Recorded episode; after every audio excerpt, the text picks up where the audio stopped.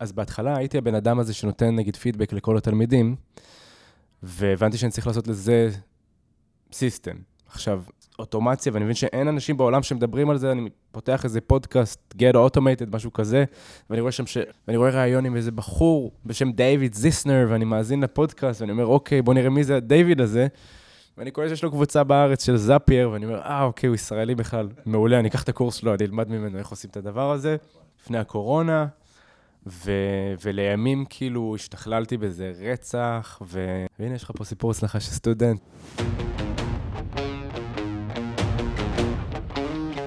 מלמדים אותנו שכדי להצליח בעסקים ובעבודה, צריך לעשות יותר ולהיות יותר.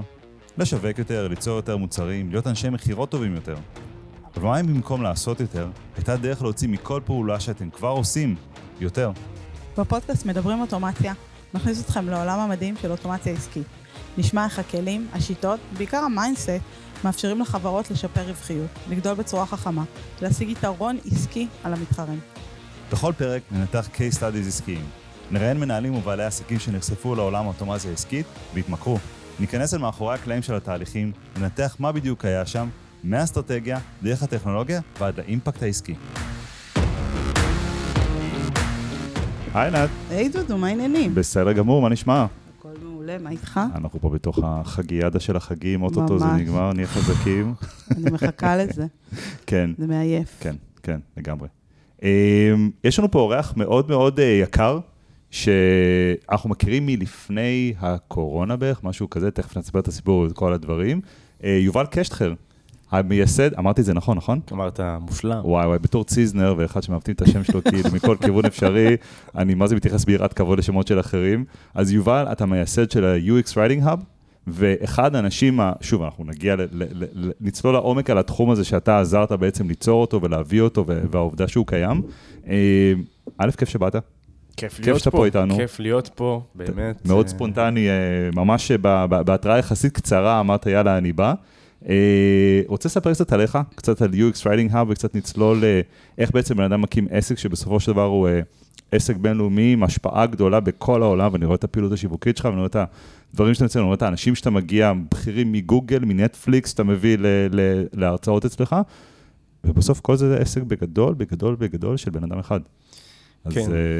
נשמח ככה לצלול על- לעומק הדברים, רוצה לספר קצת על עצמך?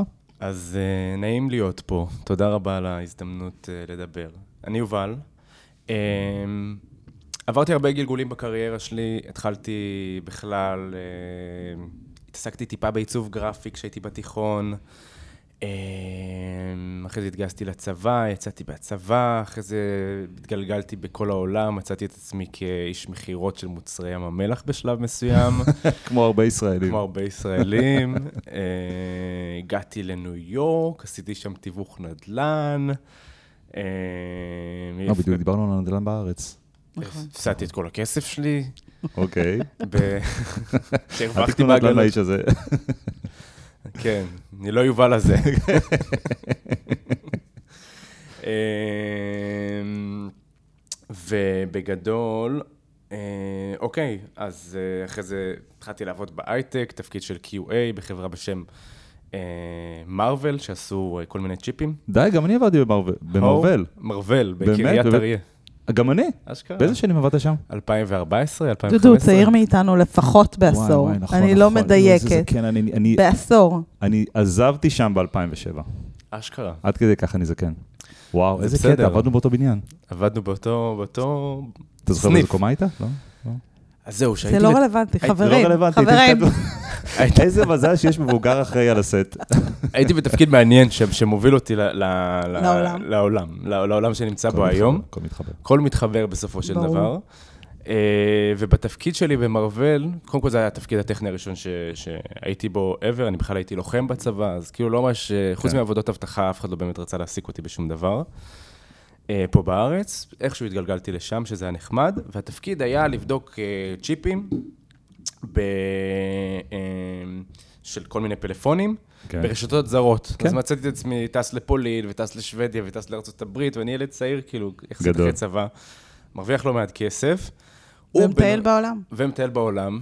פצצה, ומבסוט, וגם היה לי את המשבר שם בניו יורק, וזה היה שם הרבה משברים. התחתנתי שם, וזה היה טירוף, אנחנו לא ניכנס לזה עכשיו. נראה, נראה לי זה, יש פה, יש פה חומר לכמה פודקאסטים שונים. יש פה ג'וס גם, אם זה פודקאסטים של, אם זה פודקאסט של ג'וס, אני יכול גם לחשוף את זה אם אתם רוצים. אוקיי. סתם.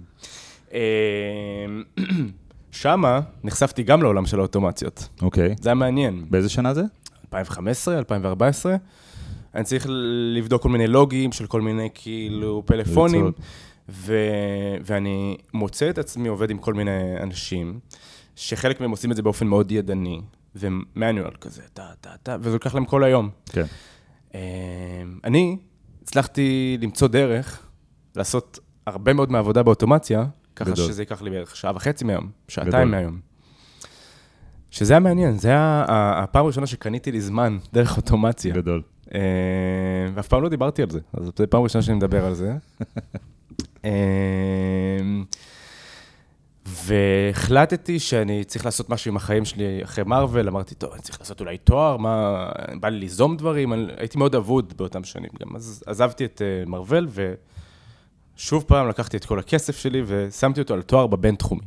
אוקיי. אמרתי, איפה אפשר ליזום דברים, מה אפשר לעשות בחיים האלה? איפה בוא- אפשר לבזבז מלא כסף? מה שנקרא, כל הכסף שלי and then some. כן. אה, אז הלכתי לשם, שמה חזרתי ל... אה, תוך כדי שאני לומד במשפטים ומנהל עסקים, אני מבין שזה בכלל בכלל לא התחום שלי. Mm. אה, חוזר לשורשים, מתחיל לעשות עיצוב גרפי לכל מיני אנשים. אה, בנים של, כי זה כאילו הבינתחומי, אז כולם שמאוד אה, עמידים, וזה אחלה לקוחות, והם מעצבים גרפיים בכל הקמפוס, אז זה היה נורא נחמד לפנות בוא נעשה. לך לוגו. כן, בוא אני אעשה לך לוגו, פתאום הבינתחומי נהיה לקוח שלי.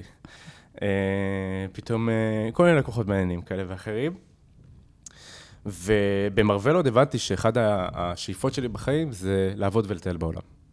בזמן שאני עושה גם דברים ככה בדיגיטל, באוטומציה, ב... אה, ומרוויח הרבה כסף, זה היה נחמד, כי מרוול היה באמת אחלה, אחלה כסף. אז מצאתי בין הסמסטר הראשון לסמסטר הש- השני של הבינתחומי, מצאתי איזה חצי משרה של עיצוב גרפי, טסתי לברלין, קלטתי שאני יכול לעצוב, לעצב ולטייל תוך כדי, אה, וזה גם פתח לי את הראש, אמרתי, וואי, אני בברלין ואני מרוויח כסף, ואני, זה בעצם ההתחלה. לפני כן עבדות דיגיטלית הייתה כזה מונח לי- אה, שגור ש- שכולם שאפו אליו. אני לא אוהב להיות הסנופלק, סנופלק הזה שבא ואומר, אני מיוחד, אני גיליתי את הנוודות, כן. אני, אני גיליתי את האוטומציה, זה לא אני גיליתי, אבל כאילו, באמת ב-2016 היה לי את התובנה של, וואו, אני יש יכול. להיות בברלין, להרוויח כסף, אני יכול להיות בתאילנד ולהרוויח כסף. אוקיי, חזרתי לארץ, פרשתי מהלימודים, אמרתי, עכשיו אני מכווין את כל האנרגיה שלי לזה שאני אוכל לעבוד ולטייל בעולם. מדהים. זה המטרה שלי. אה, ומה אני? אני מעצב גרפי, זה מה שאני יכול לעשות עכשיו, ואני מוצא את עצמי עובד בכל מיני ברים בתל אביב כמעצב גרפי, והם לא משלמים לי, אז אני אומר, טוב, אני צריך לעשות שינוי בחיים שלי. איפה יש כסף? עיצוב, UX. UX נהיה ככה תחום יחסית חדש, ועשיתי סוג של הסבה מגרפיק דיזיין to UX דיזיין, וממעצב אה, לפרינט הפכתי להיות מעצב לדיגיטל, והתחלתי לבנות אתרים ואפליקציות. את כל זה למדת בעשר אצבעות. הכל לבד, הכל אה, ככה, אני מאוד אוטודידקטי, מאוד לא מערכתי, זאת אומרת, העיפו אותי מהתיכון, העיפו אותי מיחידה מאוד מובחרת בצבא, נפלטתי בהמון מערכות, וגם מה- מהאקדמיה נפלטתי בסופו של דבר. אה, והייתי צריך ללמוד דברים בעצמי, כמו שלמדתי בתיכון אה, עיצוב גרפי, דרך, אה, היה 20 מדריכים בכל האינטרנט לפוטושופ, אז אה, למדתי את כל ה-20 מדריכים האלה. פרסתי פוטושופ, אל תגידו את זה לדובי, היום אני משלם, היום אני משלם. חוק אה, חוק אה, התיישנות. כן, חוק ההתיישנות. זה היה דובי 6 או משהו כזה, אה, זה היה פוטושופ 6. ו... ולמדתי לבד, UX design, ומה שהיה מעניין בקריירה שלי ב- UX design, זה שהצלחתי לייצר תכנים תוך כדי, שגרמו לי למצב את עצמי כ- UX designer ברמה מאוד גבוהה, לפני שהיה לי את ה skills. כשאתה מדבר על תכנים, אתה מדבר על, על המקום של לכתוב על העולמות של ה-UX design בצורה שהיא מאוד בולטת. בדיוק, אני, אני אומר את זה כי זה מכווין אותנו ל, לגמרי. לאן, לאן שלקחת בעצם את הקריירה. לגמרי. אני פתאום, אוקיי, אני לא יודע באיזה כלי אני צריך להשתמש שאני UX designer, כי אני כאילו רק נכנס לתחום, אני עושה כתבה שבוחנת את כל הכלים, מפרסם אותה, תוך כדי שאני בודק בעצמי מה הכלי שאני רוצה להשתמש בו, ומתפוצצת. מיליוני. צפיות. אוקיי? הכל באנגלית, התחלת מראש ליצור את כל התוכן. הכל באנגלית, אני לא דובר אנגלית כשפת אם. הייתי צריך אה, פשוט לנסות. Let's it go. כן. ו... ו... ופתאום מגיעים לקוחות מעניינים. פתאום כאילו אני כבר לא, כאילו החלום שלי, אולי אני אעבוד בגוגל תוך איזה שלוש שנים, והם ייתנו לי לעבוד בשעת החוק, לא יודע, לא ידעתי איך אני אעשה את זה, אבל פתאום אה, מגיע לקוח גדול ראשון. אה, זה היה סודה סטרים, נתנו לי לעצב להם את האתר החדש, וזה. מנוי subscription, איזה סטודיו כאילו לפני כן, לא משנה, התחלתי להביא לי לקוחות מעניינים. דרך אגב, זה, אני, אני, אני קוטע פה רק בשביל לשים איזה זרקור על הנקודה שיוצא לי הרבה לראות, הרבה אנשי אוטומציה בקבוצות ובפורומים ששואלים, כאילו, א', איך מביאים לקוחות, שזו שאלה נורא נורא גדולה, כי קוראים לזה שיווק וזה כאילו תחום בפני עצמו, אבל גם מאוד מדברים על איך להביא לקוחות נכונים ומדויקים, ואני תמיד אומר, פשוט תשימו תוכן טוב במקומות הרלוונטיים, תדאגו שאנשים יגיעו אליהם. העולם צמא לתוכן טוב, בטח. אני רוצה לדייק, זה לא תוכן, זה ערך. תיתנו כן. ערך, נכון, התוכן זה הדרך, נכון. נכון, זה יכול להיות גם. בווידאו, זה יכול להיות גם ב- נכון. בסטורי, זה יכול להיות בכל דרך אפשרית. תיתנו ערך, ערך טוב, ותקבלו חזרה. כן, וזה- גם מוגדר כתוכן בעיניי. כאילו, גם וידאו, נכון. זה גם מוגדר כתוכן. זה- לפעמים באמת עד כדי כך פשוט. תיתנו ערך טוב, תנו נכון. תוכן טוב, תהיו שם עם מסר אמיתי, תהיו כאלה שגם אה, מי שמסתכל כלפי חוץ אומר, וואו, איתו אני רוצה לעבוד, יובל הזה נראה רציני, ענת הזאת נראית לי מבינה עניין, תהיו אנשים ש, שאנשים רוצים לעבוד איתם, תדברו לעניין, לא צריך רעש וצלצולים, יש מקומות לפעמים חושבים ששיווק זה צריך להיות נורא... אני זוכר שאנשים שהתלבטו בז- בזמנו על- אם ללמוד אצלנו אוטומציה, ואני זוכר שיחה עם מישהי שאמרה, מה, אבל אני לא אה, יודעת אה, לפרסם בפייסבוק, ואין לי תקציב לפרסם בפייסבוק. אמרתי לה, אוקיי, גם, גם אנחנו לא מפרסמים בפייסבוק, כאילו, זה לא, לא צריך, כי אנחנו שמים תוכן טוב there. אז סתם, אתה נורא מדבר על זה, כי רק התחלת לדבר באיזה שפה, אה, לתת ערך בצורה שהיא מעניינת ורלוונטית, במקרה הזה גם באנגלית, בשפה של, של הרלוונטית ללקוחות, והם פשוט התחילו להגיע. זה גם נורא קל בהתחלה שאתה אה, עני ואין לך כסף, לא לשים על פייסבוק, כן. אלא פשוט לעשות, אוקיי, מה אני יכול לעשות עכשיו? לשבת ולייצר תוכן. כן. אה, ובאמת לנסות לתת ערך, אני ממש מסכים. כאילו, הרבה אנשים, ש... הרבה תלמידים שלי, נגיד, שאני מדבר איתם, אז הם אומרים, רגע, איזה ערך כבר יש לי לתת? והיופי בתוכן זה שזה אינסופי. זאת נכון. אומרת, זה לא... ותוכן איכותי זה גם אינסופי. זאת אומרת, אוקיי, עכשיו אנחנו מדברים על, אה, על אוטומציה. אה, אני איש UX, אנחנו בקלות יכולים עכשיו ליצור המון תכנים על השילוב של UX נכון, ואוטומציה. נכון. ותחת זה לבנות עוד תת ותת-תת נושאים ועוד תחומי התמחרויות, ו- ו- ולעשות קצת מחקרים קטנים בעצמנו, ואז אה, לכתוב עליהם או לייצר תכנים עליהם, ו- וזה פשוט ילמד המון אנשים על, ה- על התחום הזה. אז, אז תוכן איכותי זה יחסית קל לייצר, אה, קשה להביא לו תנועה מסיבית בהתחלה, זה ממש נכון. קשה, אבל... אה, אבל לא להתייאש. לא להתייאש, וזה גם נבנה לאורך נכון. זמן, וזה גם, כשזה, כשזה בנוי, זה מאוד יציב. נכון. כי א', אתה בר סמכה, זאת אומרת, כאילו סומכים עליך כבר, בנית הרבה מאוד תכנים, אה, וב', השלב שבו, נגיד, אתה יכול לפרסם שלוש, תכנ... שלוש שנים תכנים בחינם, ואז יום אחד להגיד, חבר'ה, אני מציע את השירותים שלי, ואז פתאום, בום, התפוצצות של אנשים שרוצים לעבוד איתך, כי הם כבר ראו את התכנים שלך שלוש נכון. שנים. וגם לפעמים זה, זה בא ממקומות לא צפויים, היה לנו לפני, אה, לפני איזה שבועיים, אני פתאום רואה איזה יום אחד בערב, ש, שהיה לנו איזה בליץ ענקי של הרשמות לקורסים החינמיים שלנו, של זאפייר ומייק, ואני זוכר שאפילו שלחתי לך לדעתי צילום נכון. מסך.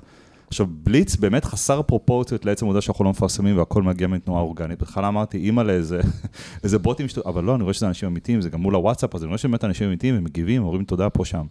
והתחלתי לתחקר, ו... ומסתבר שקולגה, פשוט החליט להפיץ את הקורסים שלנו בלי לשאול, בלי כלום, פשוט שלח את זה באיזה ניוזלטר שלו, באיזה משהו שלו, ומאות הרשמות, וכאילו זה מסוג הדברים שאתה אומר, לא ביקשתי את זה, לא, לא הנדסנו את זה, אה, וזה רק הגיע כי יש פה בן אדם שיודע שיש משהו טוב, שיכול לתת אה, אה, ערך, והוא רוצה לפרגן, וכתבתי לו והודיתי לו, והוא אמר, בטח, מה, באהבה ובכיף. מזל שזה מגובה באוטומציה, ולא דודו היה צריך לשבת ולשלוח לכולם את הקורס. ואת הוואטסאפים ואת הכל ואת האימיילים, כי זה נבנה, וזה הכוח של, הח- של, של תשתית, של מה שחוזר על עצמו, אבל, אבל ה- ה- צריך גם לזכור, אה, שוב, אנחנו פה עושים איזה, איזה פנייה למחוזות השיווק, אנחנו מיד נחזור להיי-ווי, אבל אה, צריך לזכור שהרבה פעמים ה- הערך שלך ומה שלך הוא מובן מאליו, א', הוא חדש לאנשים אחרים. אוקיי, ואנחנו שוכחים כמה מה, שאת מה שאנחנו לומדים וידענו, אנשים אחרים, יש אנשים שלא יודעים, אה, או שיש אנשים שייקח להם הרבה זמן ללמוד ואנחנו נקצר להם את הדרך, וגם, שוב, מבחינת אותו אה, איש יקר שהפיץ את התכנים שלנו, הוא גם יוצא טוב והפיץ, נתן ערך לקהילה שלו, זאת אומרת, דרך זה שהוא הפיץ תכנים שלנו ואנחנו קיבלנו מזה ערך והלקוחות שלו קיבלו מזה ערך, גם הוא קיבל מזה ערך כי הוא זה שהביא להם את, את, את התוכן. זאת אומרת, לפעמים בשיווק אני לא חייב להמציא את הגלגל, לפעמים אני צריך לבוא ולהגיד, היי, הנה מישהו שעשה משהו מעניין, ואולי לתת איזה פרשנות ותלכו לשם. וזה גם דרך להשיג, לתת ערך שיווקי, מבלי עכשיו ליצור אולי את הדברים מאפס. זהו, אלה היו 60 שניות על אה, שיווק, לאנשי אוטומציה. אה, יפה, אהבתי. אה, אוקיי, אז דיברנו קצת על תכנים. אז התחלת לייצר תכנים, התחלת לראות שזה מייצר פניות. ובאמת זה, כמו שאמרתי, זה בונה ממש אחלה של פילרס, עמודי תווך כאלה, שאנשים באמת סומכים עליך, כן. וגם אני חוויתי את הספייק הזה, פתאום... אני רואה אלפי כניסות ואני לא מבין מאיפה, פתאום אני רואה שזה יוטיובר הודי בכלל פרסם, כן. ורק לנתח את זה, זה היה מרתק. אמ, הזכרת לי את זה, אבל בוא נחזור. אז uh, תוך כדי שאני עובד בכל הצוותי מוצר האלה כ-UX דיזיינר, והתחלתי לעבוד בכל מיני חברות, א', אני מבין שכאילו זה לא מה שעניין אותי מלכתחילה, אני תמיד התעניינתי ביזמות ובלייצר דברים יש מאין. אמ, כשהייתי בבינתחומי גם, גם עשיתי פאב קרול, סתם בתל אביב, והיה לי קבוצת בפייסבוק של סטודנטים בינלאומיים בארץ, ואמרתי בואו נעשה סבב ברים. האמת שהסיבה שעשיתי את זה, זה בכלל כי רציתי להתקבל לתוכנית יזמות שלהם, ולא היה לי שום יוזמה. אז המצאתי את זה באמת בשעתיים, נרשמתי עם זה, ואז הייתי צריך גם להמציא את זה. זה היה גם מוטיב חוזר בדברים שלי עושה, קודם כל... ready fire aim. לגמרי. ו... אמ, ואני קולט שיש, בתוך העולם תוכן שלי, בתוך ה-UX, יש איזה מין פער מסוים, יש איזה gap. וה gap הזה זה שאין אף אחד שכותב את המילים של הממשקים mm. שאנחנו מעצבים. מה זאת אומרת, אבל תמיד דיברת על, על לעצב אתר, תמיד יש מלל באתר, זאת אומרת, ישב איש קופי וכתב את ה... סתם, להורדת המדריך לחץ כאן, סתם אני אומר. נכון. אז זה copywriting.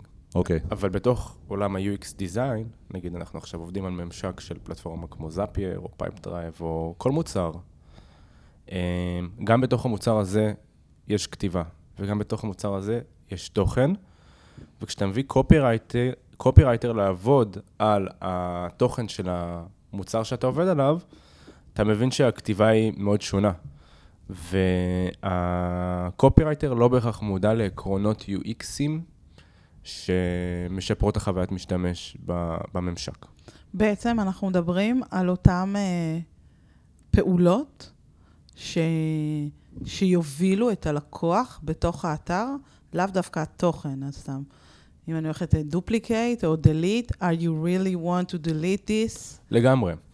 אה, נגיד, את ספציפית דיברת עכשיו על סיטואציה מעניינת בממשק, שבן אדם בא לעשות פעולה שהיא מסוכנת, אני אומר במרכאות, כן. שזה למחוק איזה database מאוד מורכב. אה, לא מאוד מורכב, למחוק איזה database. אה, זה יכול להיות יותר מסוכן, זה יכול להיות למחוק פרופיל שכאילו יש עליו data של אה, 20 שנה. אתה מתכוון כל הדברים ששנייה אחרי שלחצת, אתה אומר, shit!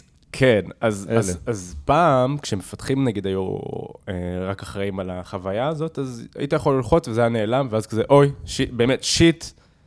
אבל חברה שמכבדת את עצמה ומכבדת את הלקוחות שלה, אומרת, אוקיי, פסיכולוגית, יש פה עכשיו סיטואציה שהיא מסוכנת, ואנחנו עכשיו רוצים לתת להם עוד, אה, מה שנקרא friction, עוד חיכוך, כדי למנוע מהם לעשות את הפעולה המאוד מסוכנת הזאת. אז אנשים הרבה פעמים, כשהם בממשק, באופן פסיכולוגי, אם אנחנו נכנסים עכשיו קצת לעולמות ה-UX, שזה העולם תוכן שלי, שאני תמיד שמח לדבר עליו, אז בן אדם, אה, חוויית משתמש טובה זה חוויית משתמש שאתה לא חושב עליה והיא לא גורמת לך להפעיל אה, מחשבה, עומס קוגניטיבי. למשל, בממשק של, של, של הבנק, למשל, שאת רוצה לעשות פעולה, אז נגיד לפני חמש שנים כנראה שכל שנייה היא צריכה לעצור, לחשוב, זה בכלל לא היה רספונסיבי, זה לא היה מותאם למובייל, זה היה מבולגן, ועכשיו זה קצת יותר זורם, את לא באמת צריכה לחשוב על זה, את רואה לקחת כסף, להלוות כסף, לשלוח, לראות את העובר ושב, הכל מאוד פשוט.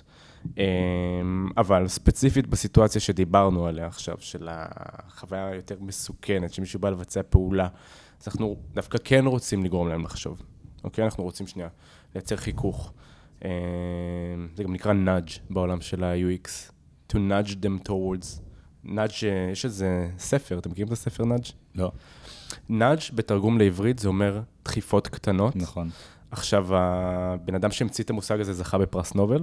באמת? כן, הדחיפות קטנות? כן, מה זה זה? כן. אתם מכירים את הסיפור על הזבוב במשתנות ב airport בהולנד? אני מכיר, אבל תספר. אוקיי. אז בגדול, מכירה? לא. לא? אז אני אספר לך. זה בספר Nudge, תקראו אותו.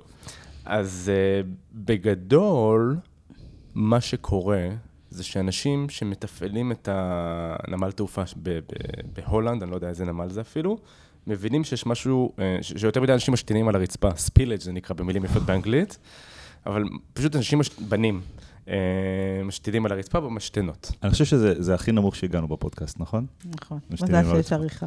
מזל, מזל שיש אותי, ככה להוריד את הרמה. ו, ו, ובדיוק כמו בעולם האוטומציה, הם רצו ב- להוריד בכמה אחוזים את, את כמות הלכלוך, כי הם הבינו שזה יכול לחסוך להם המון כסף. ואיך הם עשו את זה? באמצעות פעולה פסיכולוגית שנקראת נאג', דחיפות קטנות. מה הם עשו?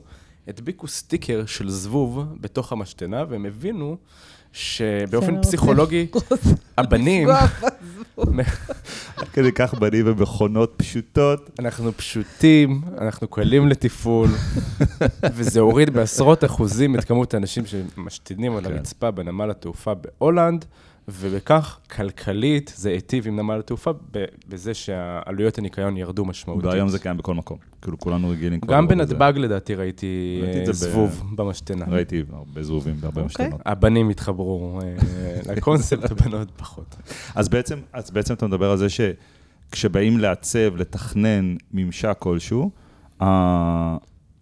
הכתיבה צריכה להיות, היא לא כתיבת קופירייטינג רגילה, היא כתיבה שמה, היא היא מונחית לביצוע פעולות דיגיטליות, לביצוע, לה- להכווין את הלקוח לאן שרוצים. אז איך קוראים לאותו בן אדם שעושה את זה, אם לא קופירייטר? UX writer, או אוקיי. content designer. אוקיי. או UX content designer, אנחנו עדיין לא סגורים על השם, אבל, אה, אבל אתה אומר- לאנשי, לאנשי מילים זה אגב אה, מאוד אופייני לא להיות לא להיות סגורים על ה... השם. כן. אבל בעצם אתה מדבר על תחום ש... שהוא לא היה קיים.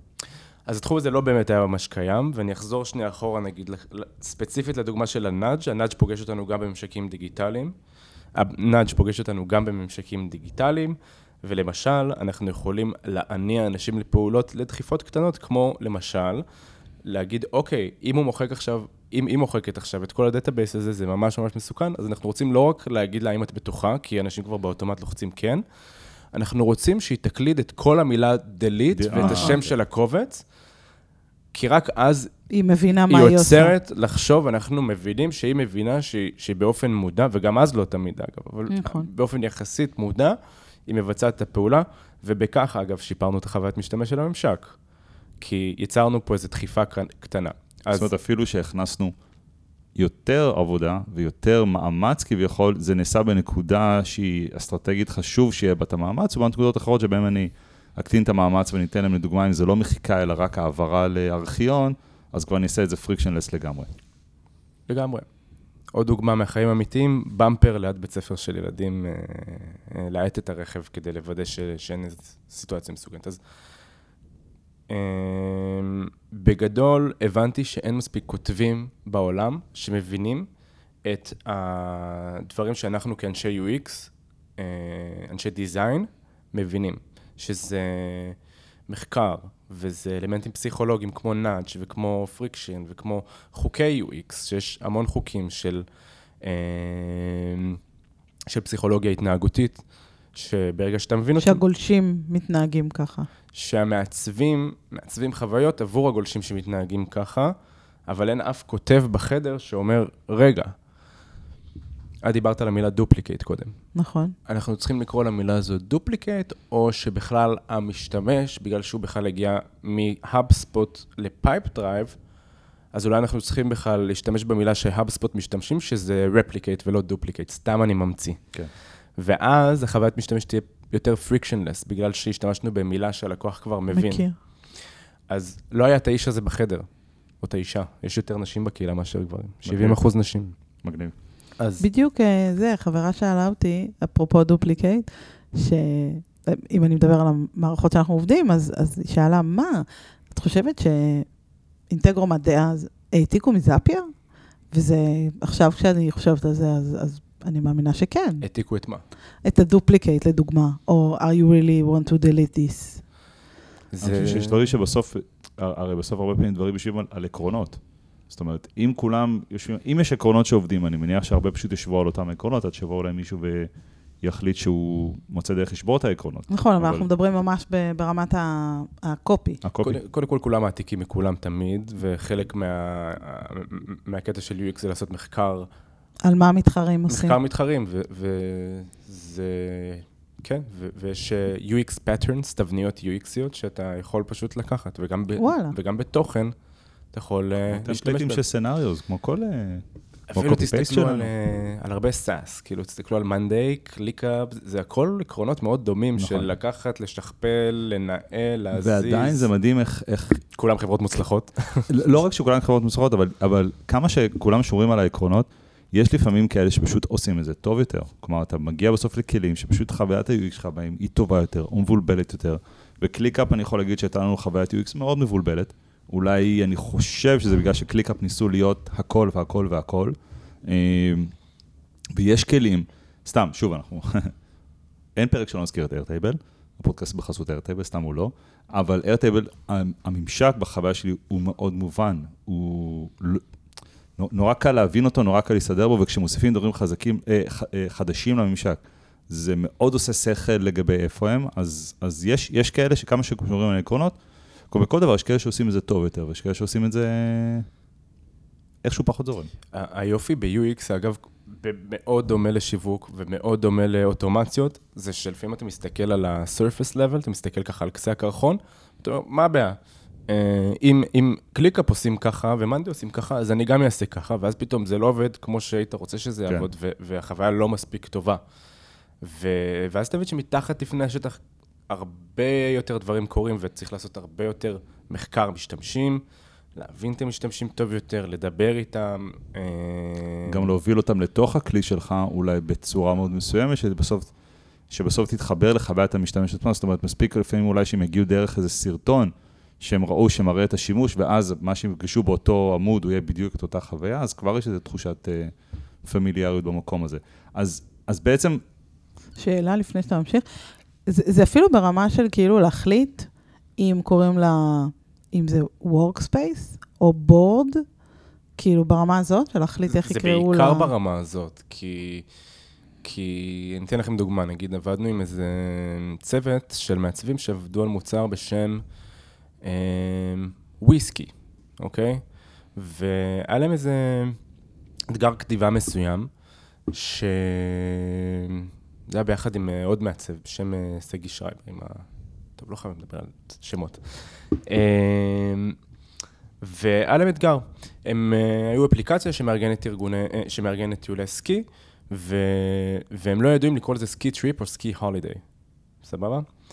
ועשינו מחקר ככה עם צוות של כותבים, והבנו שבארצות הברית קוראים לזה ski trips, וב-UK קוראים לזה ski holidays, ו... ומי שמכוון לשוק האמריקאי, כדאי לו שיקרא לזה ski trips. אז זה נגיד דוגמה למילה, שבסוף המילה trip, זה, זה מילה שהיא לא תפגוש את המשתמש רק בעמוד הבית, אלא ממש כן, בכל מקום. חלק בממשק, זה ממש רוחבי.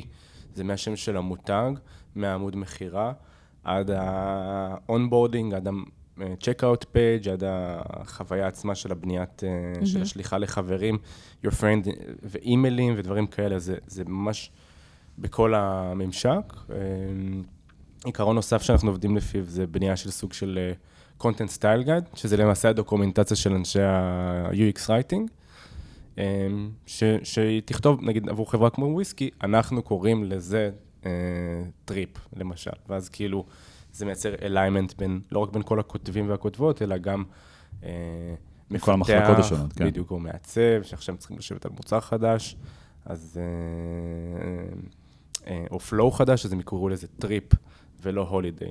וזה... ונתתי דוגמה מאוד רדודה, אבל זה עובד ככה בכל הצוותי מוצר בעולם למעשה.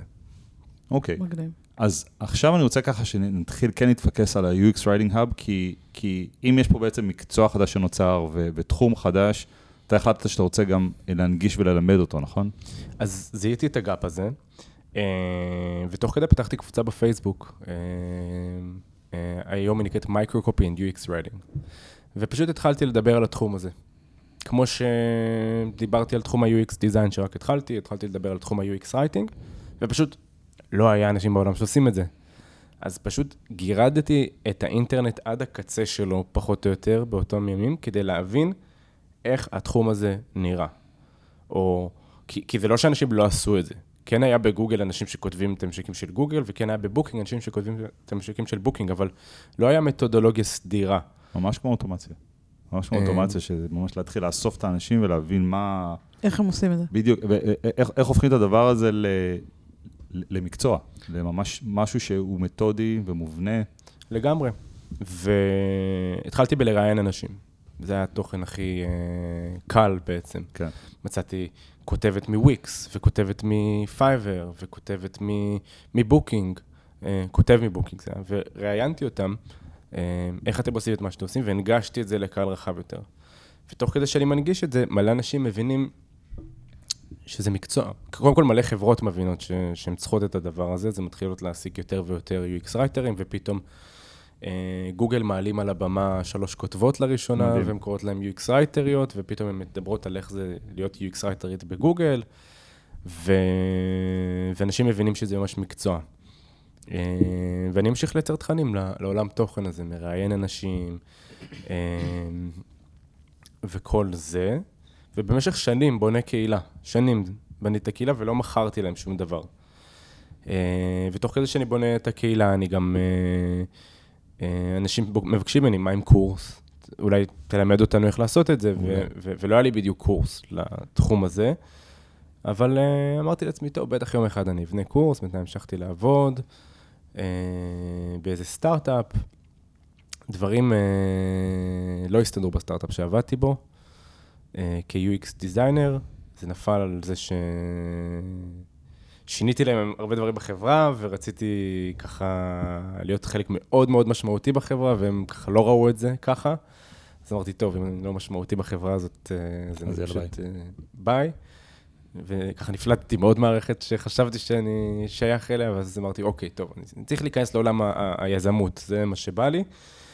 הבנתי שאני טוב בבניית קהילות אה, דיגיטליות, היה לי את הקהילה של הסטודנטים הבינלאומיים בארץ, היה לי את הקהילה של ה-UX Writing, אמרתי, אולי אני אפתח איזה business שאני עוזר לחברות אה, לבנות קהילות. שאגב, בדיעבד זה יכול להיות אחלה business. ממש. אמ, ויצאתי לסיבוב בעולם, עזבתי את הדירה ששכרתי באותם ימים, ונסעתי לברלין, ואז לוס אנג'לס, וישנתי על ספות בכל מיני שכונות אה, מפוקפקות. אה, ו- ו- וממש הסתובבתי כאילו בכל מיני מקומות, ותוך כדי הטיול הזה אני מבין ש... אוקיי, אולי בא לי לקחת את ה-UX writing לשלב הבא. אז מלוס אנג'לס הגעתי לפראג, ואז מפראג הגעתי לבודפסט, ובבודפסט אני הולך אה, יום אחד לשירותים, נכנס ל LinkedIn, ואני קולט שמישהו מפרסם שהוא עושה קורס ב-UX writing, ואמרתי לעצמי, אין שום סיכוי, שהוא יפרסם לפניי. אין שום סיכוי שאני לא הולך להרים את הקורס הזה. גדול. שכר... משהו כזה יכול היה לקחת אותך גם למקום של, טוב, מישהו כבר עושה את זה, יאללה, נקסט. אבל לא, זה, זה להפך, אין שום סיכוי שאני לא הולך להרים את הקורס הזה. גדול. הלכתי לבודפסט, לקחתי Airbnb עם הכסף שבאמת לא היה לי, במרכז העיר, ונעלתי את עצמי במשך חודש בדירה, וכתבתי סוג של אה, קורס. אה, עברתי גם בטורונטו לפני זה, לא משנה. אה, ואני גם תוך כדי בונה את האתר, ומעצב את האתר, ואוי, לקחו לי את הדומיין, אז אני ממציא דומיין חדש, UX Writing Hub, אה, שבמקור זה לא היה הדומיין שלי בכלל. וואלה. כן. ובונה אתר באלמנטור, ותוך לילה יש לי אתר שיווקי, אה, ורשימת תפוצה כבר שאני מתחיל לבנות עם waiting list כזה. ומתחיל ככה לבנות את הקורס, ואז לפרסם אותו, ואז uh, הרבה חוסר ודאות, הרבה כאילו לא יודע אם זה יעבוד או לא יעבוד, ופתאום אחרי איזה כמה חודשים שאני כאילו רץ לתוך זה ואומר שבינואר אני אשיק את הקורס, פתאום אני רואה נוטיפיקציה מפייפל, מכירה ראשונה. אה, היה כבר דף, אה, דף סליקה, מוכן PayPal. אה, למכור לאנשים את הקורס בלי שאתה התחייבת למתי זה יהיה. כן. יש אגב את הרגע הזה שבו יש לך את הסליקה הראשונה, שאתה אומר, טוב, אני חייב אני חייב לעשות את זה. לסיים את הקורס. סליקה ראשונה, אני מסתכל ימינה, מסתכל שמאלה, אני חזרתי כבר לבית של ההורים שלי. אני אומר לעצמי, אני יכול כאילו בדקה של מכירה, כאילו בתמימותי, כן? בדקה של מכירה להרוויח יותר כסף ממה שהרווחתי במשך חודש של עבודה, אם אני כאילו, תסיים את הקורס הזה. אם אני אעשה את הקורס הזה. אז uh, מאז התחלתי לעבוד בקורס הזה, ולבנות אותו, ו... והיה את המחזור הראשון, נרשמו עליו בסביבות ה-15 תלמידים, וואו. ו... דרך אגב, יש משהו בזה שיש, כשיש ואקום כלשהו, ושוב, אמרת על הבחור שהוציא עוד קורס, אני לא יודע כלום עליו, אז אני לא, אני רק אתייחס למה שאתה עשית, אבל יש משהו בלהיות פעיל בתחום, בלדבר עליו, בלתת לו פנים, לתת לו לגיטימציה, לתת לו קול, אה, ואז לתוך הוואקום הזה לבוא ולשים הצעה קונקרטית וטובה על השולחן, זה, זה קסם. זה קסם, זה עובד, זה טוב. כמובן, שמי שמצפה לשחזר את זה, ושוב, אולי נשמע שאני טועה, אבל מי שמצפה שאחר כך במחזור השני, או השלישי, או הרביעי, אותו קסם יקרה שוב, זה כבר לא ככה. כי, זה, כי, כי יש איזו ציפייה בדרך כלל שנבנית, והיא במחזור הראשון, ואחר כך צריך להבין איך הופכים את הדבר הזה להרבה יותר סיסטמטי. אבל, אה, אבל אם באת ויצרת, כמו שאמרת, נתת לגיטימציה ופנים למשהו, ואז באת ואמרת, חבר'ה, כאילו, בנית גודוויל ואמרת, חבר'ה, בואו תקנו ממני את הדרך ל... לרכוש את המקצוע הזה ולעשות את זה, אה, זה מהלך מאוד מאוד נכון. ואני גם חושב שזה יהיה מאוד חכם להגיד, חבר'ה, זה פיילוט, ואתם כאילו חווים פה אולי את הגרסה הראשונה של הדבר הזה, שזה באמת מה שהיה, כאילו, הם חוו קורס של ארבעה שבועות, זה המחזור הראשון, שבוע הבא אני מתחיל את המחזור ה-18, וואו. זה הפך להיות קורס של חצי שנה. כי גם אתה הבנת את המורכבות של, אה, שזה לא רק טכנית ללמד א', ב', ג', ד', אלא זה ממש להטמיע שפה ושיטות עבודה. האופן שבו הקורס הזה נכתב הוא די מטורף. זה, המכירות האלה הובילו אותי לשנתיים שאני פשוט כאילו רודף אחרי הזנב של עצמי, שמשבוע לשבוע אני רק בונה את התכנים של השבוע שלאחר מכן. תוך כדי אני בכלל כאילו פותח מיני סוכנות של פרילנס כזה, פרויקטים של UX רייטינג ללקוחות, מלמד, מטמיע אצל לקוחות, לומד מזה, מכניס את התוכן הלימודי, עד שאני כאילו מגיע לזה שיש לי תוכנית של חצי שנה שהיא אה, מאוד אפקטיבית, ועוזרת לאנשים בסופו של התהליך למצוא עבודה בתחום הזה. מדהים. אמ, ואז לימים זה נהיה כאילו הבוטקאמפ הכי גדול בעולם ל-UX רייטינג, ומן הסתם ניסיתי לבנות את הסיסטמים האלה שיעזרו לי כאילו... אמ, פחות לעבוד בזה ויותר... אה, אני תמיד אעבוד, אני תמיד עובד בזה, אבל סיסטמים שיעזרו לי אמ, לנהל את זה, למלא את המחזורים אה, מעבר למחזור הראשון, מה שנקרא. אה, מסיסטמים שיווקיים וסיסטמים של, אה, למשל, אני בהתחלה הייתי המנטור של כל התלמידים. דיברנו על זה קצת בשיחה המוקדמת יותר, כן. שנפגשתי עם כולם, ומי שרוצה, כך, ומה מה שאתם רוצים, אני שלכם, שילמתם לי הרי. שילמתם לי על זה. הנשמה שלי צרורה בהצלחה שלכם.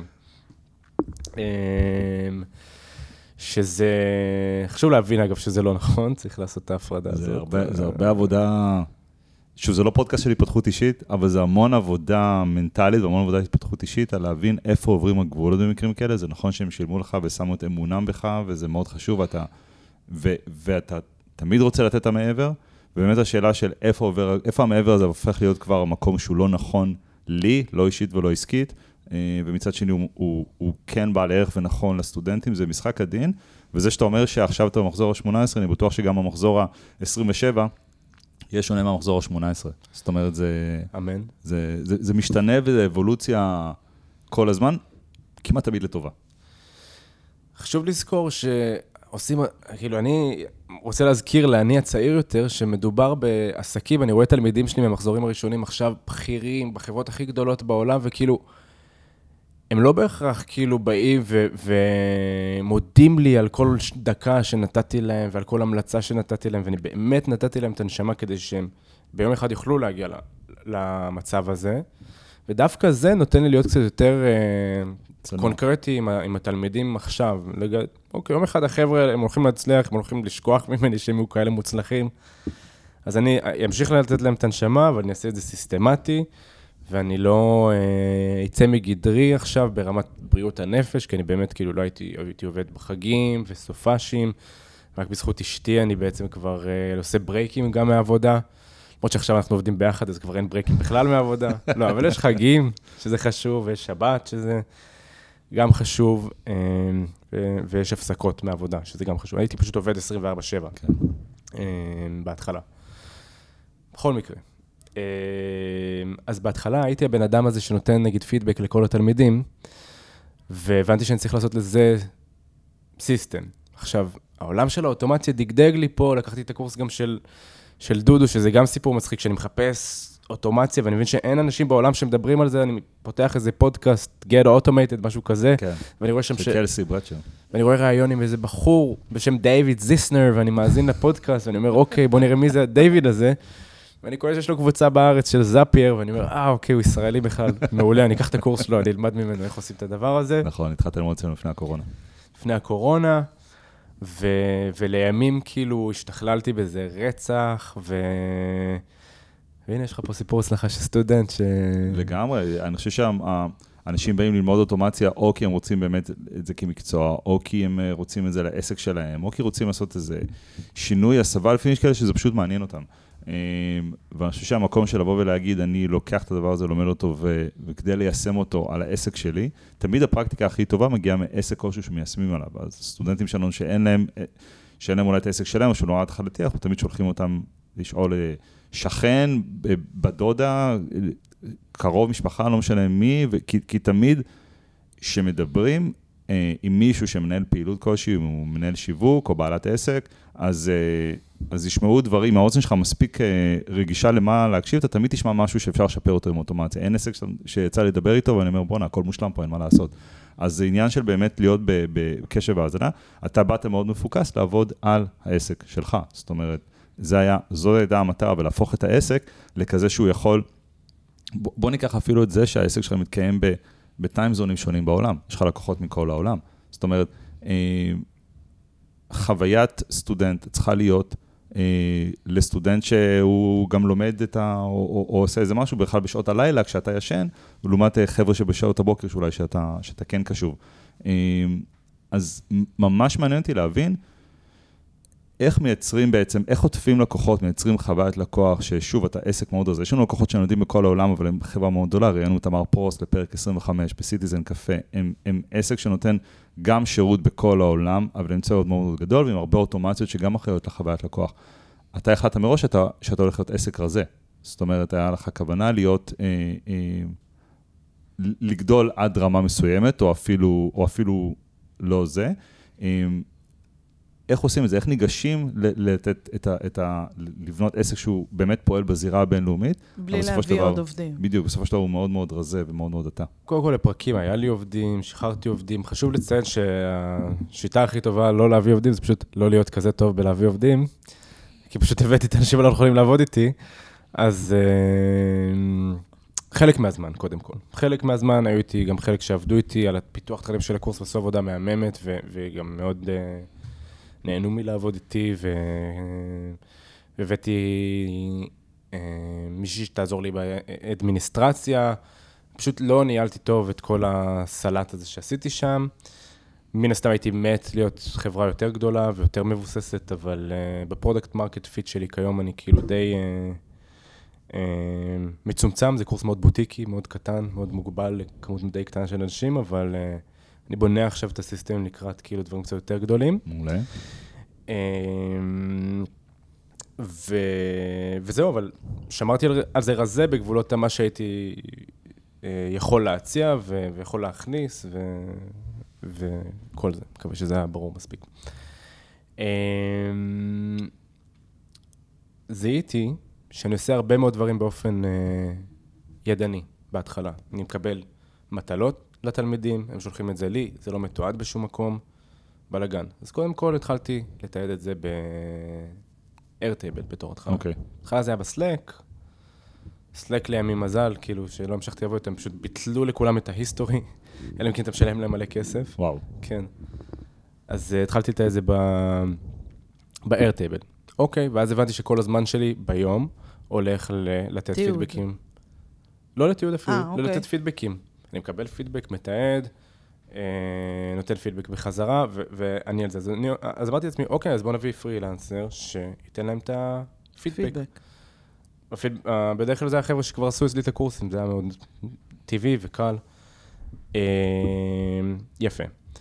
ואז היה Airtable אחד, מחוברים אליו קצת תלמידים, מחוברים אליו קצת אה, אה, איזה מנטורית, וזה יצר עוד אתגר, כאילו, זה לא טוב שזה הכל מחובר ל database וכולם יש להם גישה לאותו database. אז לימים הצלחתי לבנות איזה כלי משל עצמי, שמתחבר באמצעות Softr, שזה סוג של front-end ל-Airtable, ו-Airtable, ואוטומציות של Make, ואוטומציות גם של Airtable, שהצלחתי באמצעותו לבנות dashboard של מנטורים ו dashboard של תלמידים, שהמנטורים רואים דרכו את כל המטלות של התלמידים, והתלמידים מגישים את כל המטלות שלהם, ו... ואין חשיפה בעצם לתכנים של אחרים. בעצם ממש, לצורך העניין מבחינתם, יש להם אפליקציה, או פורטל, או מקום שנכנסים אליו והם רואים בדיוק את מה שהם צריכים. ואת זה עטפת עם Softr מעל Airtable, מעל ה database ב-Airtable. בדיוק, וזה אפשר לי לצמוח כ one man show. אוקיי. כן, זה לימים כי הצלחתי... מה- כי- כי מה- כי מה השתחרר פה שלא עבד טוב לפני? כי... אצל... יכולתי להביא פתאום 30 מנטורים. אוקיי. ואם יש לך 30 מנטורים, אתה יכול להביא יותר תלמידים. אה, אז זה אפשר לי להגדיל קצת את התפוקה של להפוך משהו מאוד מאוד אישי לסקלבילי.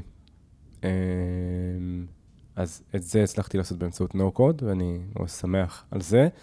אבל בנוסף לזה, עשיתי אוטומציה להמון תהליכים בתוך הארגון. למשל, הייתה לי את העובדת אדמיניסטרציה, איזה יומיים בשבוע שהייתה משקיעה בלשלוח תעודות. אז לשלוח תעודות זה לקחת את השם מה-Airtable, לקחת תעודת, אה, לתת את המספר תעודה, לשים את זה בקובץ עיצוב. היום בטח זה יותר קל עם Canva נגיד, אבל אה, זה היה לא אה, אוטומטי. אז סתם, למשל, לקחתי Google Docs ועוד איזה משתנה, משתנה בתוך ה Google Docs, והצלחתי איכשהו לעצב את התעודה בתוך Google Docs, ככה שאני יכול בלחיצת כפתור למשוך את השם של התלמיד ואת כל הפרטים עליו לתוך התעודה, ואז ל-PDF, ואז לשלוח את זה חזרה לתלמיד דרך אימייל, כי גם האימיילים היו לוקחים לי חצי יום. וואו. לקחת, להדביק, לשים, לשלוח, לקחת, להדביק, לשים, לשלוח. אגב, למה אתה אומר בלחיצת כפתור? בסוף זה... אה, תאריך סיום. בדיוק, תאריך סיום. כלשהו, או שהם צריכים ל- ל- לבצע איזה איקס עבודות ורק אז הם זכאים? כלומר, כל- זה הכל, ל- לנו זה נשמע כמו משהו שהוא... אה, שהוא חלק מ flow fully automated, אבל בואו ככה, זה אולי זה קשור לחוויית user. זה כי אתם אנשי אוטומציה חכמים ממני. מן הסתם, יש לי איזה אוטומציה ככה ב backlog שאני צריך לעשות משהו כזה, כן, אבל uh, עדיין רציתי שיהיה שם את הממד האנושי, לעבור, לראות ש... שהמטלות הוגשו כמו שצריך, שהבן אדם יישם את הפידבקים, כאילו, כן רציתי לתת שם איזה נגיעה אישית ולא נגיד, יובל לא. קיבל את התעודת סיום שלנו. נכון, נכון, כי בדיוק נהייתה הקורונה. אגב, בתעודת ציון שלנו של לא, נוגה, זה בגלל שהוא לא סיים והוא לא הגיש את כל המטלות, דודו. בדיוק. אה, כן, יודעים מה, נתתם לי עכשיו נאג' לכיוון אה. לבנות אוטומציה. שבה ברגע שיהיה איקס מטלות מוגשות, הבן אדם יקבל את האוטומציה, לא צריך ללחוץ על הכפתור. במה- האמת, אני צריך במה את שאתה. מתאר, ש- שכאילו הכל מגיע הנה הלך. הלילה. מה זה? הנה הלך הלילה. הלך החג. זהו, לא, זה בסדר, זה כמה ש... זה שעה.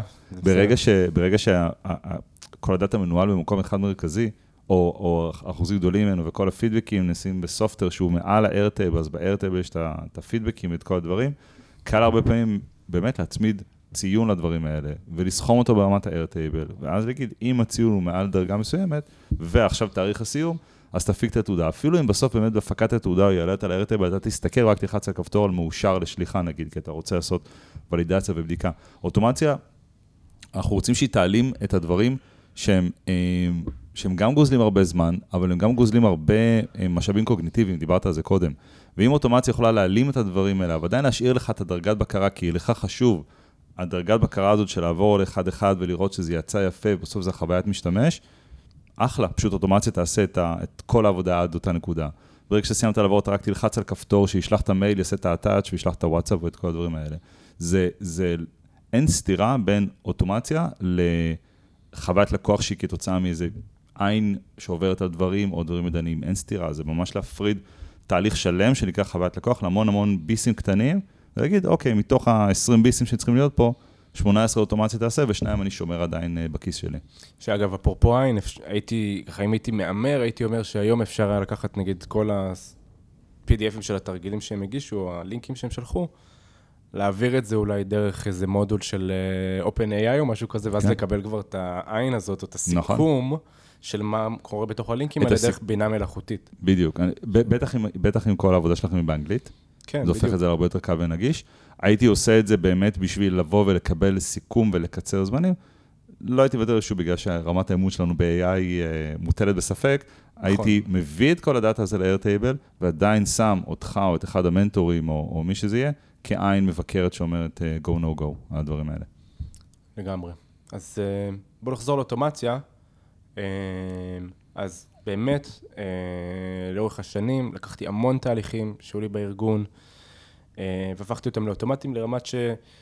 לרמה שאנשים באים אליי בסוף הקורס, וכאילו אין הרגשה יותר מטורפת מזה שאתה לוקח קורס שעבדת בו כל כך קשה, 24-7, למצב שבו כאילו יש מעט מאוד מגע עם הקורס, ועדיין אנשים באים אליך בסוף הקורס ואומרים, וואו, כאילו, מה זה הדבר הזה? איזה מגע אישי, ואיזה תכנים, ואיזה מטלות, ו- ואיזה פידבק קיבלנו. ו- איזה כיף. ו- ואם יש משהו שבעיניי יכול לשפר חוויית משתמש, זה, זה אוטומציות שהן מוטמעות נכון וטוב. בגלל זה אני מאמין שהעולם של האוטומציות ועולם ה-UX הוא מאוד קרוב, מאוד מאוד קרוב. זה מה שדיברנו עליו לפני ההקלטה, שאני כן. בכל הלב שלי מאמין ש... ש-No code או אוטומציה, זה לא משנה איך תקראו לזה, אני חושב שיש את העולם הזה שנקרא No code, שבתוכו מסתתר עולם של אוטומציות עסקיות, אבל גם בניית מוצרי No code, שזה נגיד מה שעשיתי עם סופטר uh, ו-Airtable, מה שאפשר לראות uh, מאוד מתפתח בעולם עכשיו, כל העולם של ה-No code, כן. שאנשים ממש בונים מוצרים לעצמם. Uh, אני חושב שזה העתיד, שכל חברה תבנה פשוט את ה-in-house, את האפליקציות שלה מאוד מאוד מהר. אז זה העולם של הנוקוד, והעולם של ה-UX, שזה כל המחקר, והעולם של הפסיכולוגיה ההתנהגותית, והעולם של הדיזיין, והעולם של הכתיבה. אני חושב שזה מתחבר ביחד מאוד מאוד יפה. והעמוד תווך השלישי לעולם הזה זה העולם של הבינה המלאכותית, שהוא פשוט לוקח את כל הדברים האלה, שכמו שאמרת, היום אי אפשר לסמוך על זה באמונה עיוורת, אבל עדיין יש כל מיני דברים של בינה מלאכותית שכן אפשר להטמיע.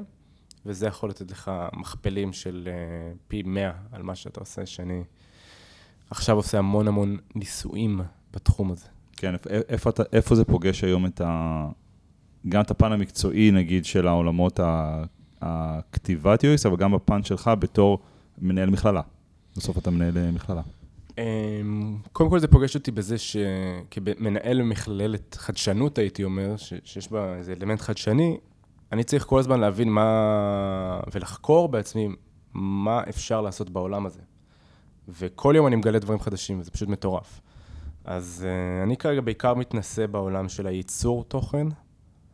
אני רואה אנשים שמרימים עמודי יוטיוב עם מיליוני צפיות והכל בלי מגע אדם, הכל באוטומציה. וואו. אני רואה אנשים ש... ש... אתה אומר בלי מגע אדם... מגע אדם של לייצר את הדברים האלה, אבל, okay. אוקיי. uh, אבל הסרטון, ואתה רואה סרטון ויש בן אדם שמדבר, ויש תוכן שהוא קצת מעניין, ואין אדם שעבד על הסרטונים האלה, וזה מטורף. קצת מטורף. נגיד, uh, אני עובד עם עוד איזה בן אדם שהוא מצליח uh, להביא תנועה משמעותית לאתר שלו דרך פינטרסט, ופעם, כדי כל פוסט ב Pinterest היית צריך ממש לעבוד עליו, והוא מצליח לייצר מיליוני פוסטים בלחיצת כפתור, והוא מזרים איתם תנועה לאתר שלו. אדיר. אז כאילו... אז זה, זה, זה ממש יושב על המקום, ששוב, זה, זה כבר, זה דברים שאנחנו גם אומרים אותם על אוטומציה, וזה דברים שתמיד יכולים עסקית. להבין מה עובד לי, מה נכון לי, לאותו אחד Pinterest עובד, למישהו אחר Pinterest לא רלוונטי, אבל משהו אחר רלוונטי, זה להבין מה עובד, ואז לשאול איך הכלים, איך ה... גם ה-AI, גם האוטומציה, גם החוויית ה-user אה, והחוויה הכוללת, יעזרו לדבר הזה לעבוד בצורה טובה יותר והרבה יותר אה, אה, צפויה מראש וידועה. כי, כי אותו אחד שמעלה לפינטרסט, אם, אם, הוא, אם הוא הצליח לפצח איך לעשות את זה, הרבה מהעבודה שלו עכשיו תהיה ב... לעשות בקרות לאשר לדברים. או לא לאשר. בדיוק, לעשות בקרות, לאשר או לא לאשר, אני מהפסימיים. פחות אוהבת את ה-AI, אני לא מצליחה לעבוד איתו בשום אה, פלטפורמה הגיונית, בוא נראה אחרי שהוא ימכור לי נדל"ן ברומניה, נראה, אני אגיד לכם אם זה עובד. אבל, אבל בהחלט זה מצמצם המון את ה... לאשר פשוט, לאשר או לא לאשר. כן. זה חוסך המון. אנחנו כל הזמן שואלים איפה זה, איפה זה נוגע לתהליכים, נכון. אה, שהם תהליכים שאנחנו רוצים שירוצו ללא מגע יד אדם 24/7, אה, איך זה מתחבר עם, ה, עם החשדנות שיש לנו עדיין לדברים האלה. וזה עניין של אבולוציה, כי אנחנו תופסים עכשיו משהו שהוא אה, די בתחילתו. כמה שנדמה כאילו צ'אט GPT תמיד היה פה, לא. זה הכל חדש נורא. בין שנה פחות. בדיוק, הוא, הוא ממש חוגג שנה אוטוטו. אמ, אז, אז זה כן ה... זה כן המקום האלה. אגב, אני מאוד אוהב את ה... סיפרת, לא, לא ידעתי, אבל סיפרת לפני זה, את ה, לפני שהתחלנו להקליט, זה בעצם את השם של החברה שלך. השם של החברה שלי זה Future Proof. אני ממש אוהב את זה. תודה. זה ממש כאילו, זה, זה מדבר על מה... אם, אם מדובר על ערך על למה לבוא ללמוד אצלנו, זה זה, כי תהיו future proof. לגמרי. אז הבית ספר שבניתי נקרא UX Writing Hub, זה בית ספר אחד. אני עכשיו עובד על uh, עוד יוזמה שנקראת AI Makers Lab, ש... לפני שנה התעסקתי קצת עם מיד ג'רני, תמיד התעסקתי, אה, כמעצב גרפי, זה מאוד ריתק אותי העולם שבו אני כותב, ואז נוצר לי ציור, זה די משוגע. אז התעסקתי בזה לפני, לפני שזה היה מגניב, בגלל שאני ככה פתית שלג מיוחד, כמו שגיליתי את הנוודות דיגיטלית לפני שזה היה מגניב, ואת האוטומציה לפני שזה היה מגניב, כן, במרוול, סתם, אני לא. אבל uh, אהבתי פשוט, זה סקרן אותי מאוד. אז uh, כשיצא מיד ג'רני, התעסקתי בזה כאילו קצת ב-level יותר גבוה מאנשים אחרים שרק התחילו, כי כבר התעסקתי בכל מיני סקריפטים של Generative AI שהיו מייצרים דברים מאוד מאוד מכוערים שנה לפני כן. אז תרגמתי מנות של אייל שני ל Midjourney, אוי, אני זוכר את זה. כן. את זה בפייסבוק, נכון? הרבה אנשים ראו את זה מסתבר, זה הייתה כי- כתבה על זה גם בטלוויזיה. כן, גדול. זה נהיה ויראלי. אז אה, זה עלה לצינור אה, לילה, וזה עלה לחדשות מהדורה מרכזית. גדול.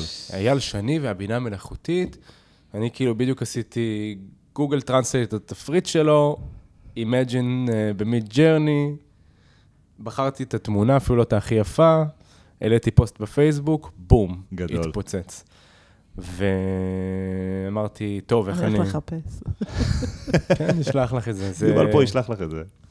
אה, זה ה-15 דקות תהילה שהיו לי, אז אני שמח ככה לשלוף אותה מתי שאני יכול. אבל אה, כאדם הסיסטמטי שאני, שבונה ככה מכללות עתידניות, אמרתי, טוב, איך אני אעשה מזה משהו קצת יותר מעניין? אז אה, בניתי עוד מותג, שנקרא AI Makers Lab, גם תחת המטריה של Future Proof, שהוא מתעסק ב- בעניין הזה של אה, Generative AI, יצא לי עכשיו אה, לעשות סדנה לחברת הביטוח הכי גדולה בארץ, וגרמתי לכל אנשי הפיננסים שלהם להיות מפיקי סרטוני אה, פרסומת. בבינה מלאכותית, תוך שעה, והביקורות מהלילות, באמת, זה גדול. היה, היה, היה טוב, אני גם הפתעתי את עצמי, כי באמת, כאילו, לא ציפיתי, גם אמרתי להם, אני לא מצפה מכם שתצליחו, והם אמרו לי, למה אתה לא מצפה מאיתנו? מה זאת אומרת? בום, כולם הצליחו. ו... זה גם מה שאבא שלי אמר לי שהייתי ילד, אני לא מצפה ממך שתצליח. וואי, בסדר, אפשר לפתוח את זה. אפשר לפתוח את זה. לא, לא. זה גם לפודקאסט אחר. חברים. לא? זהו, אנחנו רגע, צריכים רגע, לסיים כן. ענת פה על השעון, היא זה. אז לא, לא, לא לפתוח את זה. העלית את ה- את ה-AM Makers Lab, ו- ואני רוצה לשאול אותך די לקראת הסיום, אם אתה, אם אתה בעצם אה, לוקח את הלקחים שהפקת מ-UX Writing Hub, מלהקים באמת משהו מאפס, וכמו שאמרת עכשיו, המחזור ה-18, וחוויית חוויית לקוח מאוד מאוד טובה, שמאוד מושתתת על אוטומציה, מה הלקח שאתה לוקח עכשיו, אם תחליט לעשות פעול- פעילות כזאת ב-AI Makers, כדי לקצר לעצמך את את מרווח הטעויות ואת זמן ה... אה, זמן ה... אה, אה, נו, תפעול. ניסוי וטעייה. אמ, קודם כל, אני מתכוון להשתמש בדיוק באותם סיסטמים, כאילו, אה, בחלק מהדברים, למשל בתוכנה שבניתי, אני בניתי, לתוכנה קוראים Future Proof LMS, Learning Management System, זה ה-Airtable אה, כן, בסופטר. בדיוק. אז אני כן מתכנן כאילו לעשות אדפטציה למוצר הזה ו... ולהביא חוויה יחסית דומה לאנשים שיקחו את הקורס AI שאני מתכנן. לפתוח ב... בזמן מסוים, הקורס כרגע עדיין לא, לא בחוץ. אמ, כן, זה, זה בעיקר לקחת את כל הידע שצברתי היום ולשכפל אותו. האמת ששיווקית עדיין לא בדיוק פיצחתי איך אה, אה, להרים את ה-AI Makers Lab, זה גם מאוד מורכב להרים עוד מותג, כאשר השם שלך מחובר מאוד למותג אחר. כן. גם לא יודע למה קראת לזה AI Makers Hub. כאילו, אני הייתי בטוח שתיקח את המילה Hub עכשיו לכל מקום, אבל... אה, אתה אומר, ואז כאילו... כן, ואז יש איזו רציפות, אבל אה, תחשוב על זה.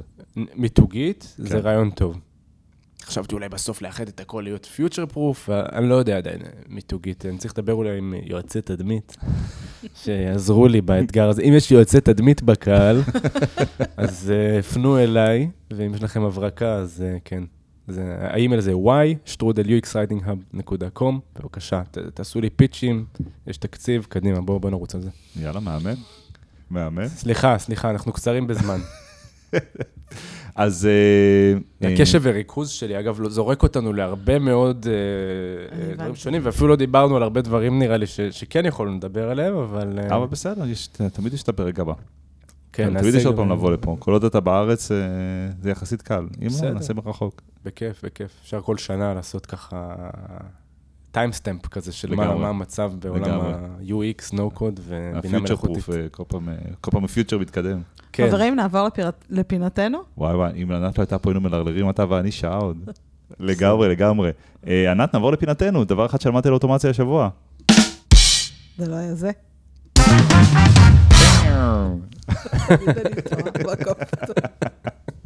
אין הרבה כפתורים ותמיד אנחנו טועים. אה, יובל, ניתן לך לפצוח, דבר אחד שלמדת על אוטומציה השבוע.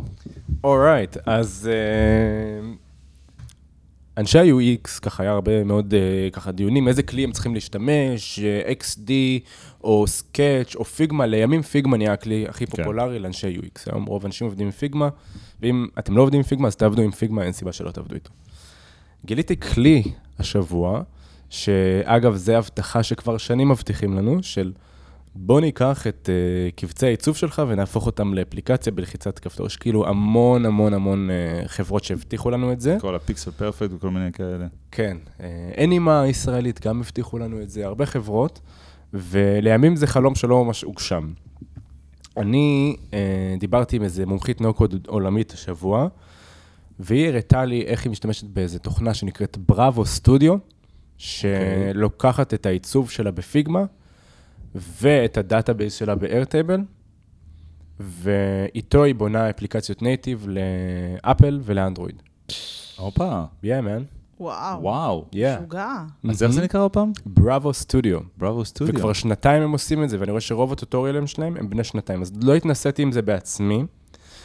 ראיתי, אגב, ב- במהלך הסופש, בגלל שחשבתי על הפינה הזאת, כל הסופש, באמת חשבתי עליה כל הכנסנו הסופש. אותך לחרדות כן, כחרדות אמרתי, ביצועים על איך אני- הפינה הזאת. איך אני דופק הברקה? איך אני דופק הברקה? אז הגיעה ההברקה, כן, לדעתי באמת זה הברקה. אז לקחתי איזה tutorial, שראיתי מישהו בונה איזה אפליקציה ב Bravo Studio ו Figma, והוא השתמש בעוד איזה תוכנה שנקראת ראודי, שזה סוג של איזה Backend no code, אז הוא uh, ככה גם מחבר לו את ה database לזה, וואלה. ומאפשר להם באמצעות בינה מלאכותית לייצר כל מיני, נגיד, אה, אפליקציה לספרי ילדים באמצעות, כאילו, בלי דקה של תכנות. איזה מדהים. הזה. כן, ממש. וואו, שווה לבדוק את זה. ממש. Yeah. למדתם משהו? מה זה. למדנו? זה זורק אותי לאפליקציה שאנחנו עובדים עליה עכשיו, אבל אנחנו לא נכון. נדבר עליה פה. בבקשה. אבל אין לנו אה, UX רייטר שקר כלשהו. אני מכיר מישהו. איפה אפשר אני למצוא אחד why כזה? כל at UX Writing. Hub. כאילו, אני כותבת בכפתורים, מה שנראה לי. שלח. כן. ענת, דבר אחד שלמדת על אוטומציה השבוע. אז זה לא ממש אוטומציה, אבל זה משפר אה, את חוויית הלקוח בצורה אה, מאוד מאוד מאוד משמעותית. Pipedrive הוציאו פיצ'ר חדש שיכול לרכז את השדות בתוך קבוצה. Grouping של... אה, grouping של ה-UI. שדות, אפשר לקרוא לה בשם, אה. לקבוצה, ולשים בפנים את השדות ששייכים לאותה קבוצה. זה לגמרי כאילו Game Changer. וואי, סופר נוח. ממש, ממש. אני כאילו מפתחת אה, דברים ב-No code, וזה מה שעושה ללקוחות שלי את ה... וואו, וואו, נכון, וואו. נכון, כי את זה הם רואים, את זה הם נכון, חווים, זה היום-יום שלהם, נכון. האוטומציה אז- שרצה ברקע ודואגת שהכל יתקתק זה באוויר. כיף, לכו תסדרו את השדות שלכם ב pipeline. בדיוק, לכו קבצו את השדות. מה המקביל של זה ב HubSpot, נגיד? אני משתמש ב HubSpot. אז אל תשתמש ב HubSpot. לא? לא, לא. אני יודע שם. שאתם אוהבים Pipedrive, והסיבה היחידה שאני משתמש ב HubSpot זה כי קיבלתי את ההנחת סטארט-אפים, אז כאילו בלעדיה בחיים לא הייתי משתמש, זה כן. מוצר מאוד יקר. נכון. אה, אני אני לא יודע. אני לא יודע, אבל נראה לי בגוגל היא... או שיהיה, או שאולי אין. Field grouping. אני אפילו לא יודע מה זה אומר field grouping, מה זה אומר? אני אראה לך. אה, אני אעשה. לך Loom קצר. בבקשה. טוב, אז אני אגיד אה, דבר אחד שלמדתי על אוטומציה השבוע. אה, הרבה זמן לא, לא יצא לנו לחקור, או לי, אה, את כל הכלי ניהול משימות ממשפחת הטרלואים, האסנאים והקליקאפים, כי, כי זה עולמות שבהם הרבה פעמים אנחנו אומרים ללקוחות, או שיש להם משהו, או כאילו, אה, קחו את אחת מהמערכות האלה, אנחנו פחות נכנסים, אנחנו מקסימום נקשור את זה לזה שאחרי מכירה ייפתח אה, אה, ליסט, או, או לא משנה מה יהיה. אה, וכן הסתכלתי השבוע על, אה, על טרלו עבור לקוחות שלנו שיש להם גם הרבה אנשים בשטח, גם אנשים במנהלה, במפקדה, והם צריכים משהו שהוא יחסית פשוט ואינטואיטיבי. וכמובן המקום הראשון שאני מתחיל, שאני הולך לכלי, זה פשוט להסתכל ברמת ה-API. וכן ראיתי שיש להם את היכולת לייצר ליסטים חדשים על בסיס ID של ליסט קיים. עכשיו, זה הולך למקום של אם אני רוצה לייצר איזה טמפלט של תהליך שקורה אחרי ש... אה, לא יודע, הייתה מכירה או לקוח אמר, יש להם הרבה אה, לקוחות ואנשים שמסתובבים בשטח, לייצר את הטמפלטים האלה מראש, ואז רק להגיד לו, תיצור לו בסיס ליסט קיים, נורא מקל על ארגון, לייצר לו המון, המון טמפלטים, לתקן אותם, לדייק אותם עם הזמן לפי מה שנכון ונוח, ואז לדעת שכשהאוטומציה תעבוד, היא תמיד תשכפל את הסט משימות ואת, ואת, ואת הפלואו באופן שהוא נכון לארגון. אז שוב, המון זמן, טרלו היה אחד הכלים הראשונים שבדקנו, ויצאנו ממנו כבר לפני הרבה שנים, ולא לא יצא לי לגעת בו, אבל היה נחמד לראות את זה. לא יודע אם זה חדש או לא, לי אבל זה, זה היה חדש ראיתי בעולמות שגם ב-Airtable יחסית חדש, מהחודשים האחרונים יש את ה... גם אה, סוג של table templates כזה, נכון. נכון? כן. שגם יש שם אופציה לחיצת כפתור, ואז כאילו. שכפול... זה- אה, זה- זה לא שכפול, זה פותח לך את השורה עם הערכים שאתה, בעצם שהגדרת כ template. בדיוק, ואם אתה כן. ב view של ה... איך זה נקרא? ה view של הניהול משימות. אה, נכון. Kanban? Kanban, אז נראה לי שאפשר גם לעשות אה, נכון, זה כזה. פותח לך את אותו דבר. אני רק מחכה שהם ייתנו API לייצר views, אני לא מבין למה אין את הדבר הזה עדיין. זה כאילו... אם היה את זה, נחוץ. לא הייתי בונה את האפליקציה שבניתי. נכון, כי כולנו. הייתי פשוט כאילו נותן נכון, לכל תלמיד את. ה view שלו ולכל מנטור את ה view שלו. כן, נכון, וזהו. עם כן. share אה, לינק. אבל זה לא יקרה, זה לא יקרה? זה לא יקרה. Softr. פותר את זה אבל. נכון. נכון, אם בונ- אם בונים עוד שכבה אפליקטיבית מעל ה... אבל גם עכשיו ה interface עושה עבודה מאוד מאוד יפה. אני לא מבין בו מספיק, אני אשמח ללמוד. אני וואי, וואי. את חולה על ה interface. כן? וואי, תלמדי אותי. אני מקבל עדיין גישה לתכנים כתלמיד אה, מ-2019. יש לך, יש לך. כן, באמת. שצריך באמת? לעשות כן. איזה ספריית העשרה ל interface. אמרנו שנעשה. כן? אני אוקיי, חייב, אני חייב. כי אני- יש. לי עכשיו database ואני לא יודע איך לייצר את ה... הוא רק כיפי. נהיה, הוא רק משתפר באמת, כן? מחודש לחודש. טוב, חבר'ה, יובל, תודה. תודה רבה, תודה שבאת, כיף לארח אותך, יש לי רגע שאנחנו נראה אותך עוד אצלנו. אמן. אמן אמן. תודה רבה. תודה ענת. יאללה ביי. ביי ביי. ביי. חברים, עד כאן הפרק. אנחנו ממש מקווים שנהניתם, שהפקתם ערך, שלמדתם משהו חדש. השיתוף שלכם חשוב לנו. חשוב לנו להגיע לאנשים שהתוכן שלנו יכול לעזור להם בעסק, בעבודה, אפילו בחיים. ואנחנו נשמח מאוד אם תוכלו לדרג אותנו באפליקציית הפודקאסט שאתם מאזינים בה ממש ממש עכשיו. אנחנו מודים לכם על ההאזנה, תודה רבה ואחלה יום.